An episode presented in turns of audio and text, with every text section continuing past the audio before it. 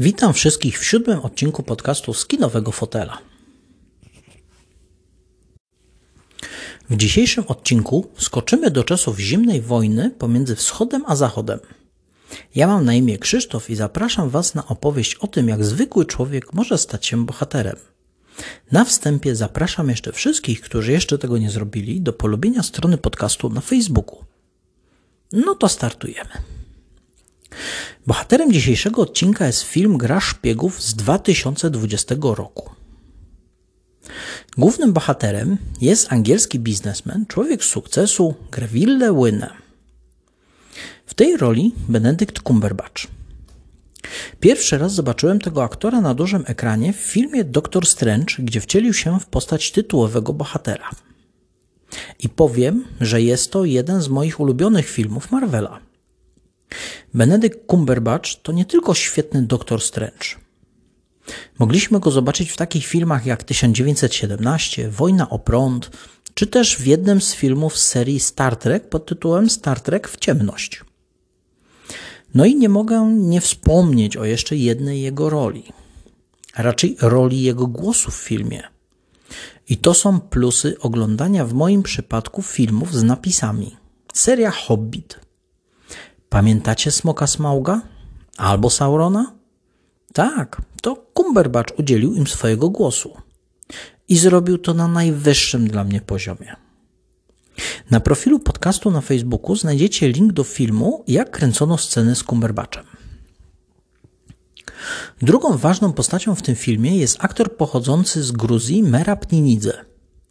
Niestety, jak do tej pory nie trafiłem go w żadnym filmie, to znaczy nie widziałem go w żadnym filmie. Do tego mamy jeszcze Raquel Brosnahan oraz Angusa Wrighta. O ile o dziewczynie nic nie powiem, o tyle Angusa Wrighta można było zobaczyć w takich filmach jak Czarownica z Angeliną Jolie, Łotr 1 Gwiezdne Historie, Gwiezdne Wojny Historie, czy też Królestwo Niebieskie z Orlando Bloomem i Liamem Neesonem. Reżyserią zajął się Dominik Cook. Tak na marginesie to dopiero jego trzeci film. Jako ciekawostkę dopowiem, że muzykę do filmu napisał Abel Korzeniowski. Jest to nasz polski akcent w filmie, ponieważ kompozytor urodził się w Krakowie. Studia kompozycji ukończył u samego Krzysztofa Pendereckiego.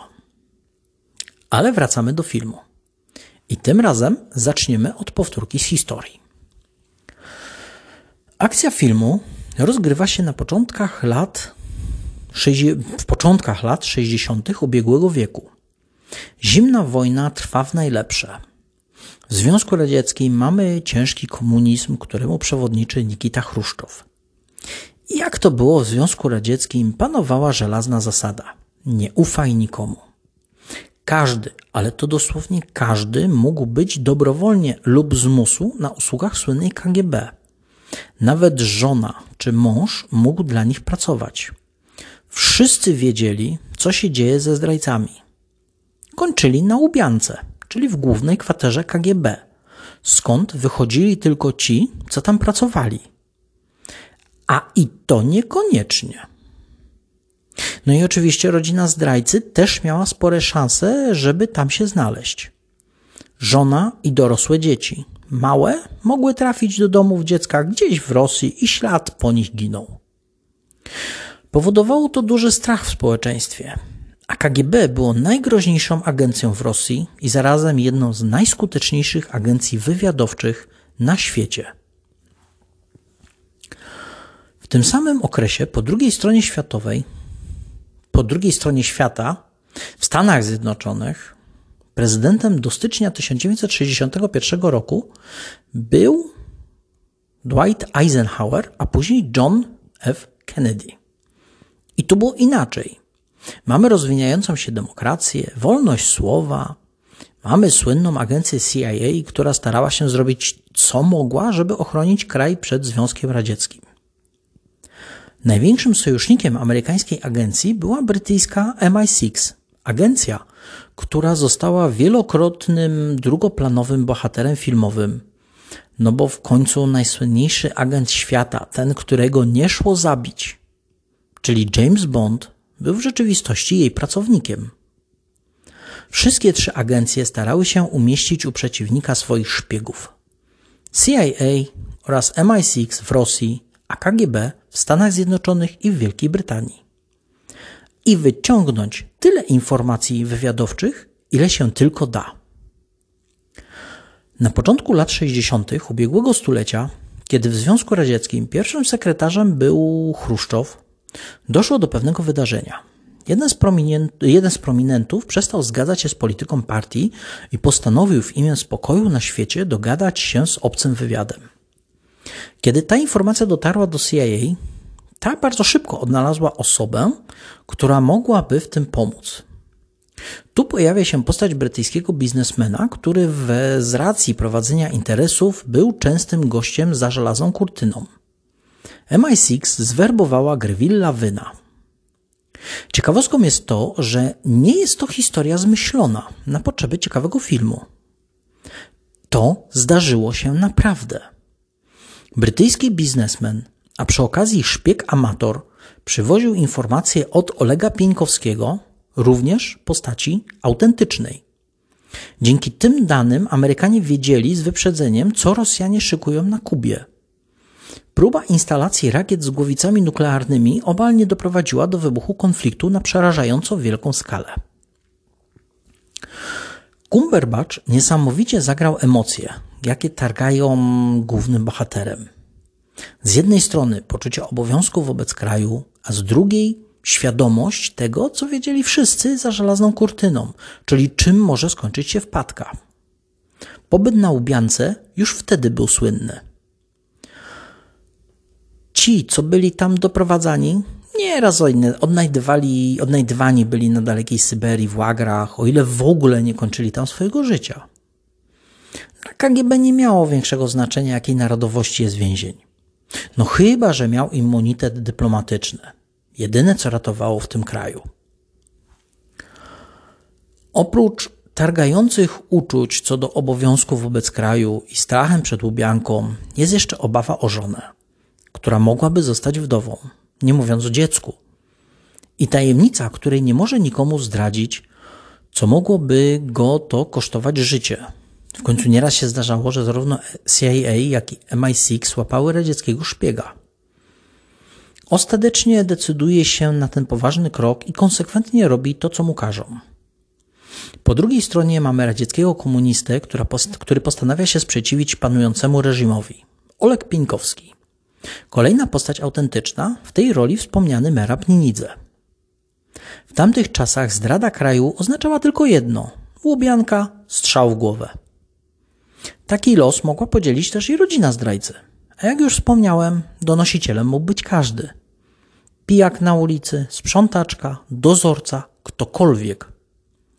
W takich warunkach skuteczna zdrada kraju graniczyła z szaleństwem i świadomością samozagłady. Merab Ninidze genialnie oddał wszystkie wątpliwości i przeżycia głównego bohatera. Stres, nerwy, podejrzliwość, niepewność jutra. A czasami zdarzało się, że osobę, nawet stojącą na wysokim stanowisku w partii, odwiedzał e, oficer KGB. Zawsze to był taki czynnik, taki dodatkowy czynnik, który potrafił dodać nawet niewinnemu człowiekowi potężną dawkę stresu. A co dopiero powiedzieć o kimś, kto robi wszystko, żeby kraj zdradzić. W tym wszystkim mamy też agentów MI6 i CIA. Ciekawy jestem, jak było naprawdę. W filmie dziewczyna z brytyjskiego wywiadu przejmuje się losem Grevilla. Zaleca daleko idącą ostrożność, a w pewnym momencie jedzie nawet osobiście do Moskwy. Natomiast, natomiast agent CIA chciałby więcej i więcej. Model dobry i zły glina. Powiem tak. Jednym z powodów, dla których polecam ten film, jest to, że bardzo dobrze moim zdaniem oddaje to, jak wyglądał Związek Radziecki w tamtych czasach. Jak działały struktury państwowe i struktury Urzędu Bezpieczeństwa, a także jak funkcjonował tamten świat.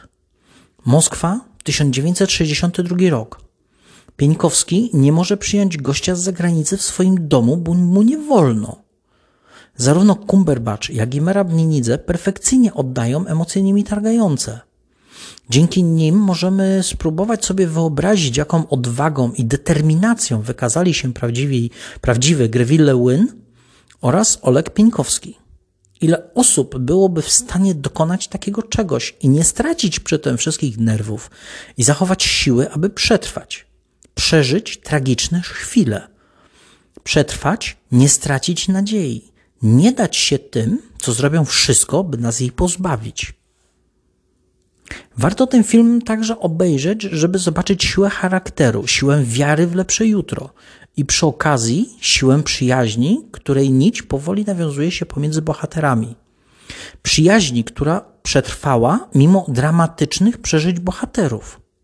Przyjaźni, która zawiązała się w imię nadziei i pokoju.